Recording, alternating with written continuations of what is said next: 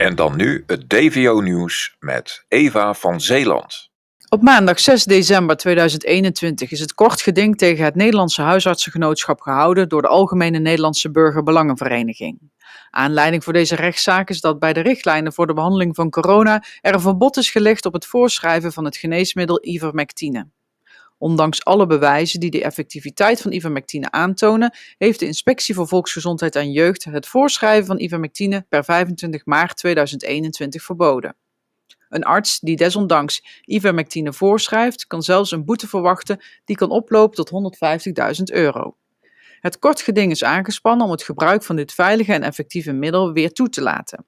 Dit omdat het onnodig lijden voorkomt, maar ook omdat het de bodem wegslaat voor het vaccineren van mensen en nu ook kinderen met experimentele gentherapie.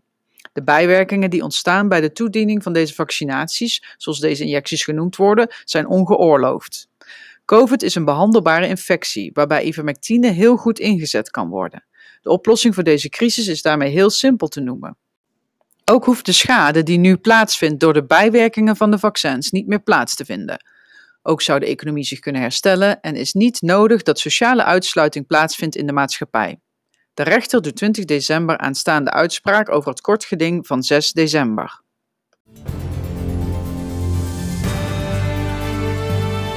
Dit was onafhankelijk ongecensureerd nieuws van de vrije omroep.nl.